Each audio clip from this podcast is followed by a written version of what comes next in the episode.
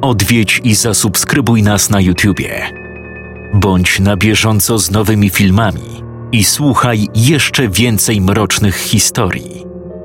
Mystery TV Więcej niż strach.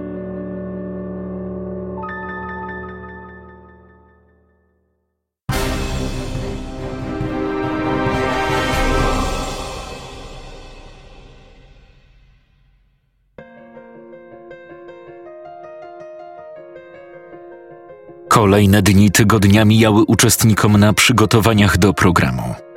Część musiała załatwić sobie urlop, inni przełożyć umówione wcześniej spotkania. Później przygotowania, jakby to określić, techniczne, czyli pakowanie toreb z kompletami ubrań letnich oraz kilka egzemplarzy cieplejszej odzieży. W końcu dom może nie być ogrzewany, prawda? Elektryczność musi być, bo w przeciwnym wypadku nie działałyby kamery ale nie wiadomo, czy producenci chcieli zadbać o taki komfort jak ogrzewanie. Część spakowała także śpiwory oraz własne zapasy jedzenia. Nigdy nie wiadomo, co znajdzie się w tych lodówkach. Poza tym, skoro dom jest nawiedzony, może jedzenie również jest jakieś dziwne. 1 lipca nadszedł czas pożegnania z najbliższymi. Oczywiście symbolicznego, ponieważ czternastodniowa rozłąka nie była czymś niezwykłym. Współmałżonkowie życzyli powodzenia i wytrwałości. Rodzice apelowali do najmłodszych, aby dokładnie to przemyśleli, póki mają jeszcze czas. Żadne prośby jednak nie pomogły, ponieważ o godzinie 17 wszyscy stali już w holu stacji TVT7. Tym razem Charlie Barnett nie spóźnił się, lecz wyczekiwał ich jako pierwszy – Powitał każdego, uścisnął rękę i obdarzył ciepłym uśmiechem. O, witajcie, drodzy uczestnicy, bo tak będę was teraz nazywał. Jak doskonale wiecie, za chwilę udamy się do naszego celu, czyli domu braci Howens. Nie będzie możliwości opuszczenia tego domu aż do 15 lipca. Mam nadzieję, że macie tego świadomość i jesteście gotowi na wszystko. Część skinęła głowami, jakby na potwierdzenie jego słów – Pozostali patrzyli niemo, czekając na dalsze posunięcia. Zapraszam w takim razie na parking. Czekają tam na nas dwa busy, które zawiozą nas na miejsce. Na zewnątrz, zgodnie ze słowami producenta, stały dwa Mercedesy Sprintery, do których zapakowano bagaże oraz po trzech uczestników do każdego auta. Podróż trwała około 45 minut i upłynęła im pod znakiem kompletnego milczenia. Każdy obserwował zmieniający się krajobraz. Z dużego miejskiego na podmiejski, aż w końcu przeszedł w wiejski, by ostatecznie zmienić się w kompletne odludzie.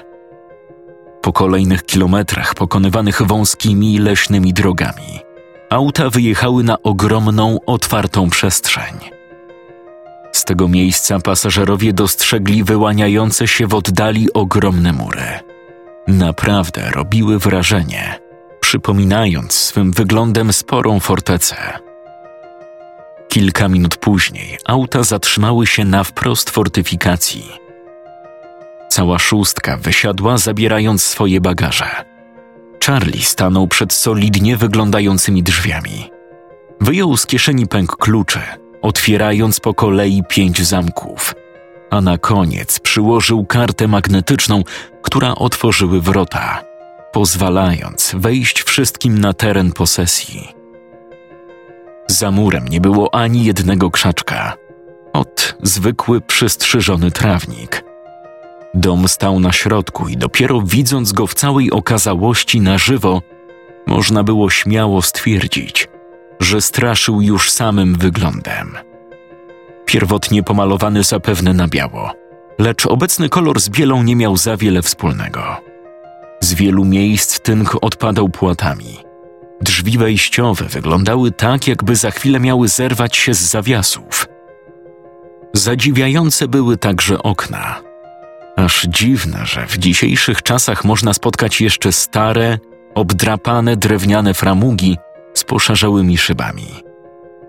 Jedno z nich było zbite, Owszem, wiedzieli, że dom jest opuszczony, zrujnowany. ale żaden z uczestników nie spodziewał się aż takiej rudery. Przypominał trochę dom Normana Batesa z psychozy Alfreda Hitchcocka. O, robi wrażenie, prawda? Odezwał się Charlie Barnett, widząc zaskoczenie uczestników. Gdy jego słowa przeszły bez żadnego komentarza, kontynuował. Brama zostanie zamknięta na amen. Pięć zamków i szósty magnetyczny. Mur otaczający posiadłość pokryty jest akustyczną wełną mineralną i dźwiękoszczelnymi panelami. Oczywiście wiadomo, że za dużo to nie pomoże, bo przecież nad nami jest gołe niebo. no ale biorąc pod uwagę fakt, że nie ma tu żadnego sąsiedztwa, to nie ma się czym przejmować. A teraz zapraszam do środka.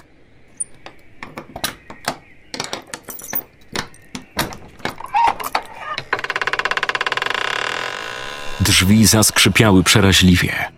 Uczestnicy wraz z producentem przekroczyli próg, natychmiast doznając wrażenia wejścia w inny świat. Na powitanie uderzył w nich zapach stęchlizny, wymieszany z zapachami materiałów budowlanych. Wnętrze było o wiele obskurniejsze niż przypuszczali.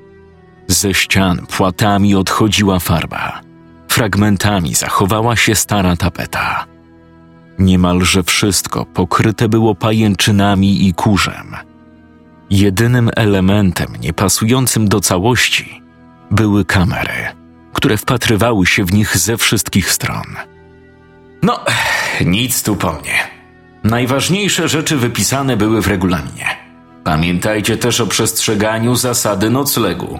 Każdy sam. A nie można tej zasady jakoś, nie wiem, ominąć? zapytała Sara. No niestety, w tym domu jest tyle pokoi, że każdy może spać we własnym. Panowie na dole, panie na górze. Jeśli za dwa tygodnie obejrzymy materiał i odkryjemy, że oszukiwaliście, wszyscy zostaniecie zdyskwalifikowani, a główna nagroda przypadnie. A tego pewnie byśmy nie chcieli. Zatem, skoro nie ma pytań, wszystko jest jasne.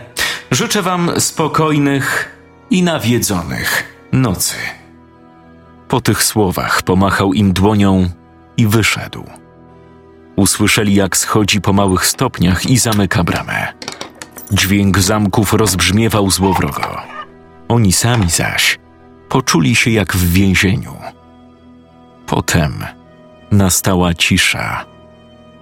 Właśnie rozpoczęli czternaście nawiedzonych nocy.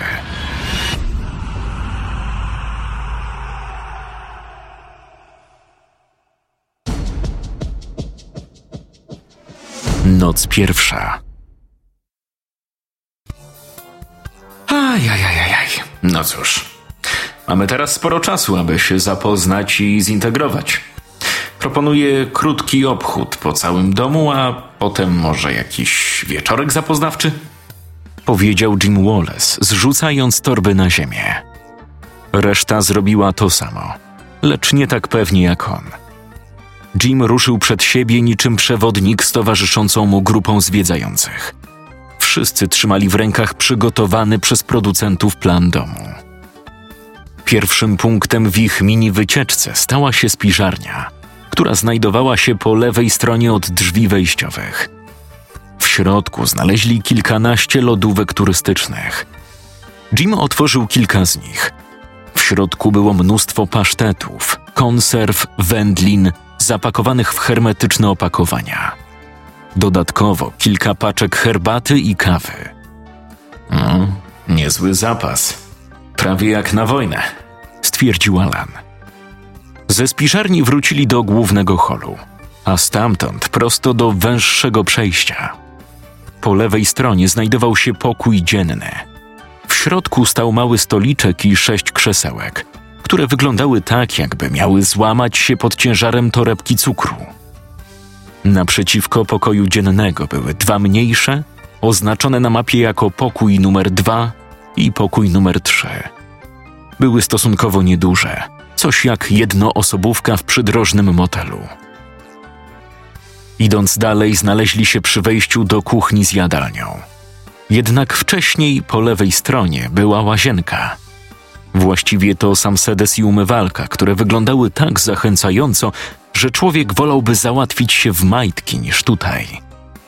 Z korytarza wchodziło się najpierw do teoretycznej jadalni, bowiem był tam tylko drewniany stół i nic więcej, a z jadalni w lewą stronę do kuchni. Była tu lodówka, mały stolik ogrodowy, na którym stał czajnik i sześć kompletów naczyń, talerz, szklanka i sztućce. Uff, dobrze, że spakowałem mikrofalówkę. Odezwał się Paul, na co reszta zareagowała śmiechem. No, wygląda na to, że tutaj chyba już wszystko żeśmy zobaczyli, stwierdziła Sara. No, w takim razie czas na piętro. Powiedział Jim i skierował się w stronę schodów przy głównym wejściu. Schody były równie wiekowe jak całe to domostwo. Pokryte kurzem skrzypiały pod stopą każdego nowego mieszkańca. Piętro wydawało się bardziej zadbane niż parter, o ile można to nazwać zadbaniem. Po prostu mniej farby odchodziło od ścian i nie śmierdziało tak jak na dole. Wyszli na główny korytarz, który ciągnął się aż do samego końca tego piętra. Kilka kroków dalej znajdowała się wnęka, która prowadziła do pokoju numer cztery, trochę większego niż dwa poprzednie. Na przeciwległej ścianie znajdowała się druga łazienka. W środku umieszczono sedes, umywalkę i obskurną kabinę prysznicową. Serio? Mamy się w tym myć? Zapytała nieco zdegustowana Susan. o, to ja już chyba wolę śmierdzieć przez te dwa tygodnie, dodał Jim. W kabinie znaleźli także zwłoki dosyć sporego pająka oraz szczura. Dalej znajdowały się cztery pokoje, po dwa po każdej stronie korytarza. Zostały oznaczone jako pokoje 5, 6, 7 i 8. Wszystkie porównywalnej wielkości. Na wyposażeniu każdego z nich znajdowało się jedno łóżko polowe i nic więcej. No, Hilton to raczej nie jest. Zażartował ponownie Paul. Z pokoju numer 6, czyli ostatniego po lewej stronie, przechodziło się do pomieszczenia, które Charlie oznaczył jako pracownia. W rzeczywistości była to ziejąca pustką wnęka. A co jest tutaj? Mm, tego chyba nie ma na mapie. Odezwała się Susan, wskazując na zamknięte drzwi na końcu korytarza. Miała rację. Plan tego piętra pokazywał, że ściana pokoju numer 7 jest granicą. Jednak nie zaznaczono pomieszczenia, które znajdowało się za tymi drzwiami. Hmm, ciekawe, dokąd mogą prowadzić. Powiedział bardziej do siebie niż do innych Alan. Hmm, może na strych? Nie, ten dom ma tylko jedno piętro, nie ma przecież strychu. Na pewno jest to ten pokój, o którym mówił Barnett. Nie dowiemy się, co tam jest, bo nie mamy klucza. A nie będziemy też tych drzwi wyważać. Widocznie nie jest to nasza sprawa. Poza tym kamery wszystko widzą, prawda? Stwierdził Paul. No to co? Wszystko żeśmy zobaczyli, to może mała integracja? W spiżarni na parterze znaleźli lodówkę, w której znajdowały się napoje alkoholowe: piwa, wina i wódka. Organizatorzy zadbali o to, aby podczas pobytu tutaj mogli się odstresować. Cała szóstka zebrała się w pokoju dziennym numer jeden. Niektórzy zajęli pozostawione tu krzesła, inni siedzieli na własnych kocach na podłodze. Każdy bez wyjątku trzymał jednak butelkę i powoli napięta atmosfera ustępowała miejsca swobodzie. To może opowiemy trochę o sobie. Jak w klubie AA. Cześć, jestem Jim i jestem uzależniony. No, ja mogę zacząć. Zatem cześć, Jestem Jim, mam 35 lat. Skończyłem sztukę na Harvardzie, a teraz pracuję jako scenograf w teatrze. Jestem singlem, jeżeli kogoś to interesuje, i zgłosiłem się tu, bo uznałem, że to w sumie dość ciekawa, a zarazem nietypowa sprawa. Ja jestem Alan. Mam 40 lat i jestem prawnikiem. Mam własną kancelarię, żonę i dorosłego już syna. Zgłosiłem się tu, ponieważ nigdy nie zarobiłem pięciu baniek w dwa tygodnie i głupio byłoby przejść obok takiej szansy obojętnie. Ja jestem Paul. Mam 23 lata i studiuję fizykę. tak, wiem, brzmi mądrze. Y, też jestem singlem, ponieważ właściwie jak na razie bardziej fascynuje mnie wszechświat niż kobiety. Chłopie, kobiecy umysł jest sto razy bardziej skomplikowany niż cała nasza galaktyka. Krzyknął Jim i obaj zaczęli się głośno śmiać. Teraz przyszła kolej na panie. Pierwsza przedstawiła się Sara Rogers. Jestem Sara, mam 35 lat. Pracuję w Preston News i zajmuję się rubryką kulturalną. Znalazłam ogłoszenie w naszej gazecie i po prostu się zgłosiłam. Myślałam, że mnie odrzucą, bo jestem dziennikarką. A tu proszę, jestem. Cześć, nazywam się Susan i mam 25 lat. Niedawno skończyłam ukochaną medycynę i od września zaczynam staż w szpitalu. O, a kim jesteś? Zapytał Paul. Patologiem. Kroisz trupy? No, mówiąc w skrócie, tak. Fuj, chore i obrzydliwe. No, czy ja wiem? Ktoś to musi robić, prawda? Gdyby nie praca patologów, wiele tajemniczych zgonów nie zostałoby wyjaśnionych. Na końcu przedstawiła się Katie. Mam 29 lat i jestem nauczycielką języka angielskiego. Lubię swoją pracę, a to traktuję jako fajną wakacyjną przygodę. Po upływie kilku kolejnych minut, dodatkowe informacje na temat każdego z uczestników zaczęły się ujawniać. Z ich rozmów wynikało, że tylko Alan i Sara mieli rodziny, które czekały na zewnątrz. Reszta natomiast to wolni strzelcy. Może to i dobrze. Aczkolwiek aura, w jakiej się znaleźli, raczej nie sprzyja romansom i flirtom. Około godziny 23 wszyscy zdążyli spożyć znaczną ilość alkoholowych trunków, przełamując wszelkie bariery nowego środowiska. Rozmowy toczyły się w najlepsze, począwszy od pytań do Susan na temat ludzkich zwłok, a skończywszy na podziwianiu zdolności manualnych Jima, który z puszki po piwie zrobił model jachtu. Wszyscy byli w tak dobrych humorach, że można było śmiało stwierdzić, że kompletnie zapomnieli o tym, gdzie się znajdują. Dopiero pytanie Katie sprowadziło ich na ziemię. Na powrót uświadamiając, że tkwią wewnątrz miejsca grozy. Jaka jest właściwie historia tego domu? Charlie nie chciał powiedzieć, a ja przyznam szczerze, nigdy o nim nie słyszałam. O matko, kobieto, gdzieś ty się w takim razie chowała? Zdziwił się Paul. No, ja słyszałam to i owo, ale szczegółów też nie znam. Stanęła w obronie koleżanki Susan. Historia jest okropna. Swój początek miała gdzieś w latach siedemdziesiątych. O ile mnie pamięć nie myli, to chyba w 1974. Odpowiedział Alan. Ludzie nazywają ten dom domem braci Howens. Może opowiesz wszystko od początku do końca? Powiedziała Katie, patrząc na Alana. Ten zerknął na resztę, jakby szukając poparcia tej prośby. Ogólne milczenie uznał za znak, by kontynuować. Jak wspomniałem, w 1974 roku wprowadziła się tutaj rodzina Howensów, czyli Richard, jego żona Grace i ich pięcioletni syn Tom. Po jakimś czasie, było to chyba sześć miesięcy, chociaż niektórzy twierdzą, że cztery. Wprowadził się tu także młodszy brat Richarda, Theodore Howens. Czemu akurat tutaj? Młodszy brat miał wówczas jakieś 25 lat. Pracował dorywczo, to tu, to tam. Lecz z każdego miejsca wywalali go za picie. Nie inaczej było i tym razem. Richard załatwił mu fuchę na budowie. Ted obiecywał, że wszystko będzie ok i że nie będzie żadnego picia. Oczywiście taki stan trwał niespełna dwa tygodnie. Wywalili go. Nie miał pracy ani dachu nad głową. Ich rodzice też nie żyli już od ładnych paru lat. Richard był jego jedyną rodziną.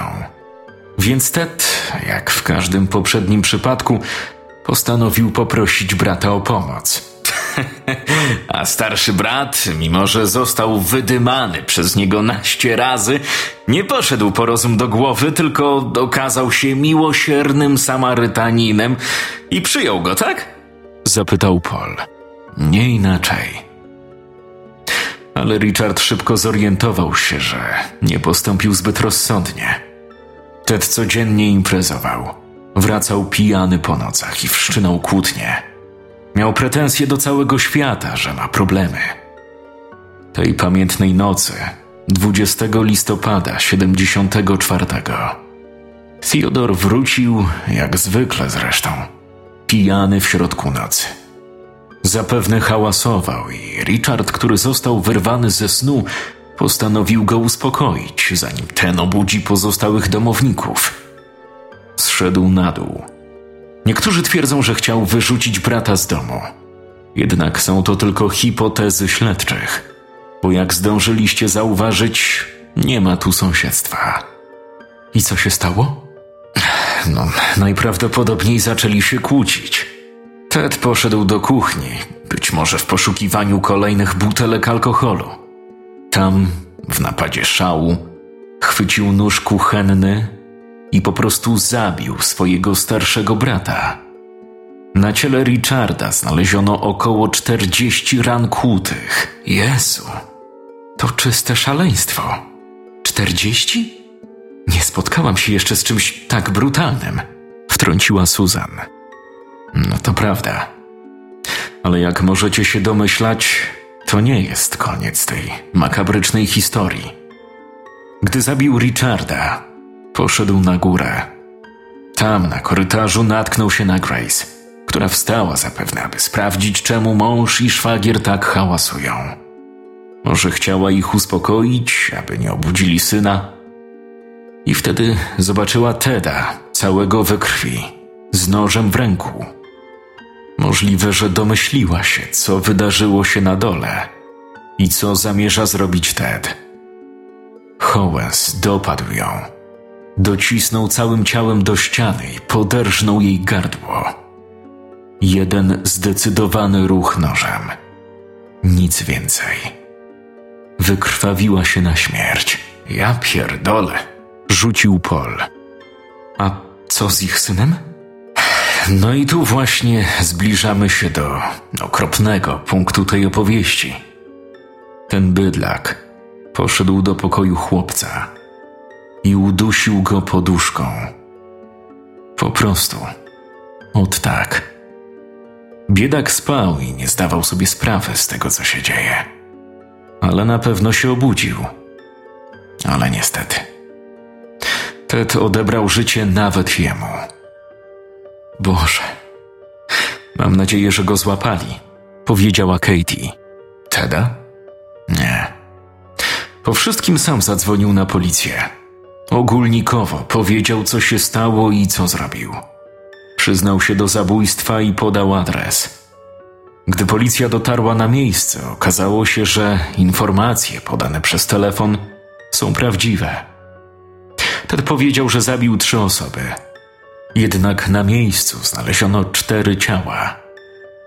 Ted Howes powiesił się na pasku od spodni. Ach, nieźle popieprzona historia, skwitował Jim.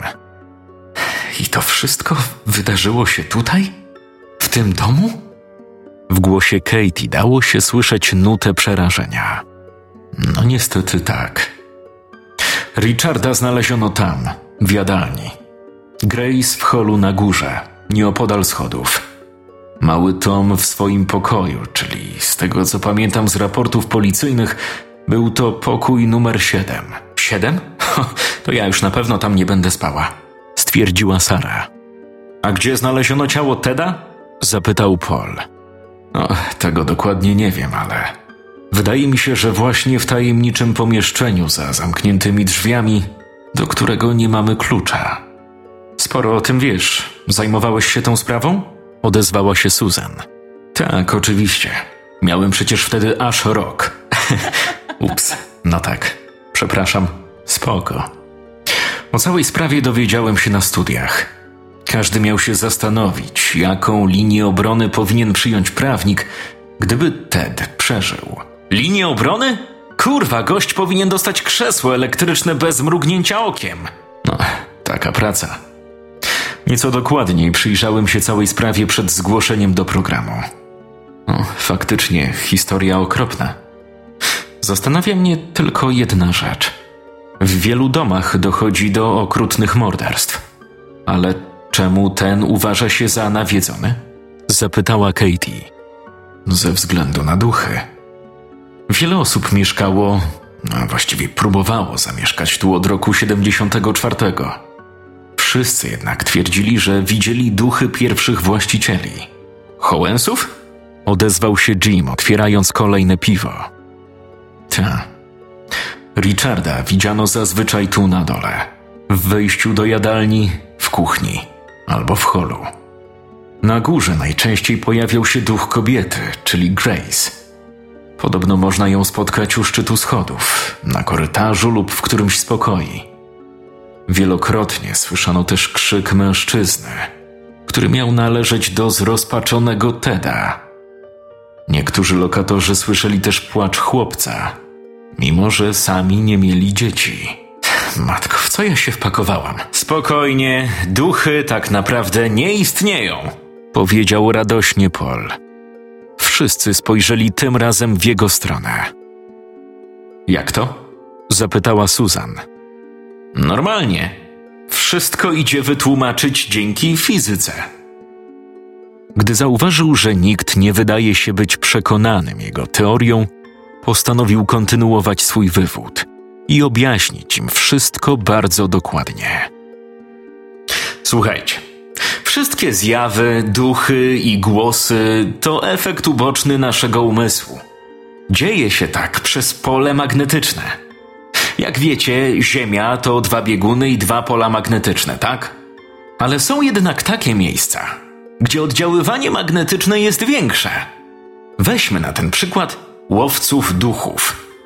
Czym oni się posługują? Zwykłym miernikiem pola magnetycznego. Tam, gdzie pole jest większe, uważają, że są duchy. Zazwyczaj w domach nawiedzonych, czyli takich, gdzie da się słyszeć głosy lub zobaczyć zjawy, pole magnetyczne jest naprawdę wysokie. Nie rozumiem o co chodzi, wtrąciła Sara. Spokojnie, słuchaj dalej. Załóżmy, że jest sobie dom, który znajduje się w strefie dużego pola magnetycznego i mieszka w nim sobie rodzina. Jedni są bardziej odporni, inni mniej. Żyją sobie kilka lat i kilka lat wystawieni są na działanie tego pola. Udowodniono, że zmienne pole magnetyczne źle działa na ludzki organizm. Stajemy się osłabieni, nasz umysł nie pracuje tak jak powinien, a co za tym idzie, zaczynamy widzieć różne dziwne rzeczy albo słyszeć. Oczywiście tak naprawdę niczego nie widzimy. Jednak nasz mózg tworzy obrazy, które wydają nam się prawdziwe. Wtedy widzimy obce osoby, duchy, słyszymy głosy. Po długim czasie przebywania w takim polu umysł może zmienić się do takiego stopnia, że bez problemu ktoś taki może dopuścić się, dajmy na to, morderstwa.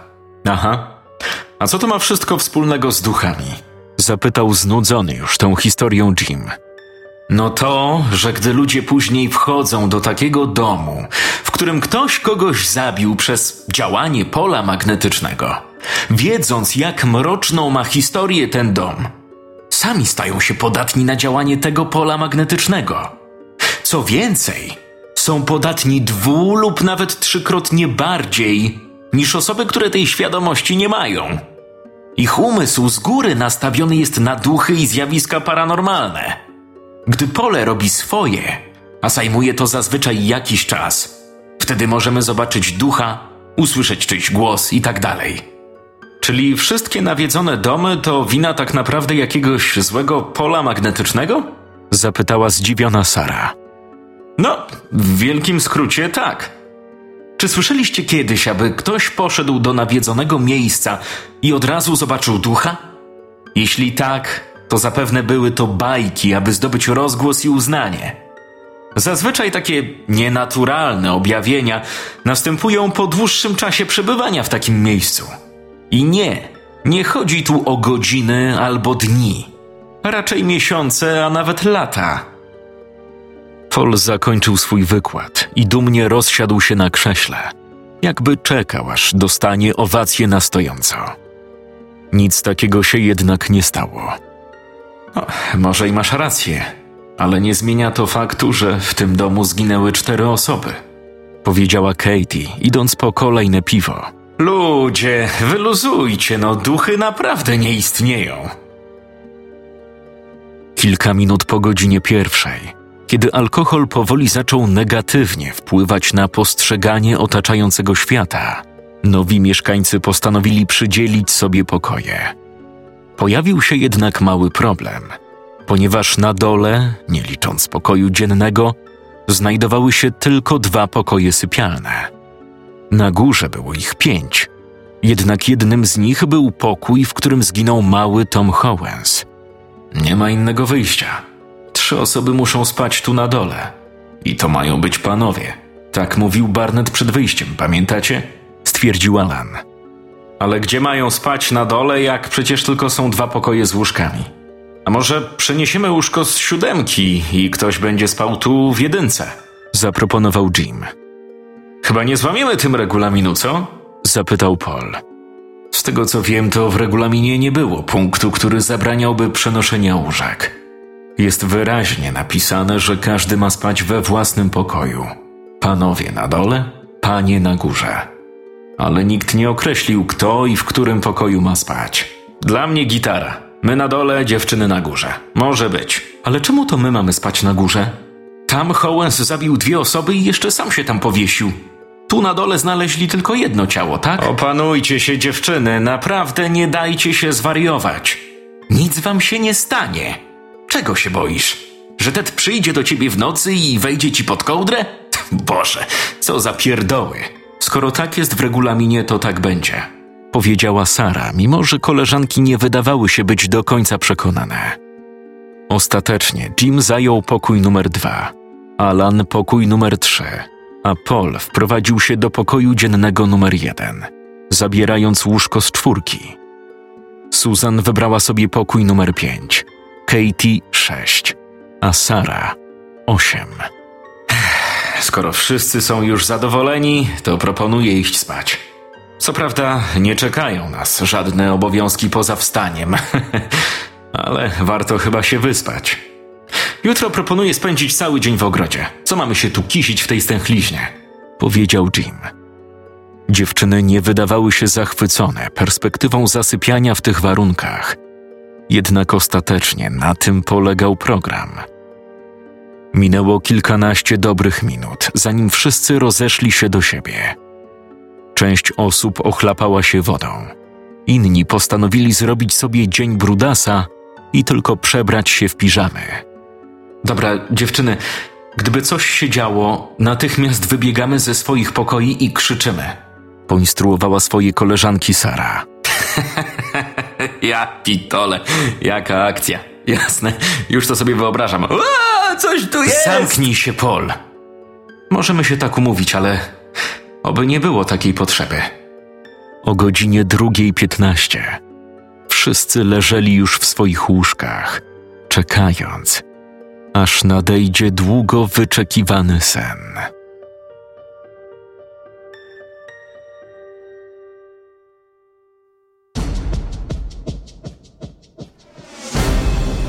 Czytał Jakub Rutka. Odwiedź i zasubskrybuj nas na YouTubie. Bądź na bieżąco z nowymi filmami i słuchaj jeszcze więcej mrocznych historii. Mystery TV. Więcej niż strach.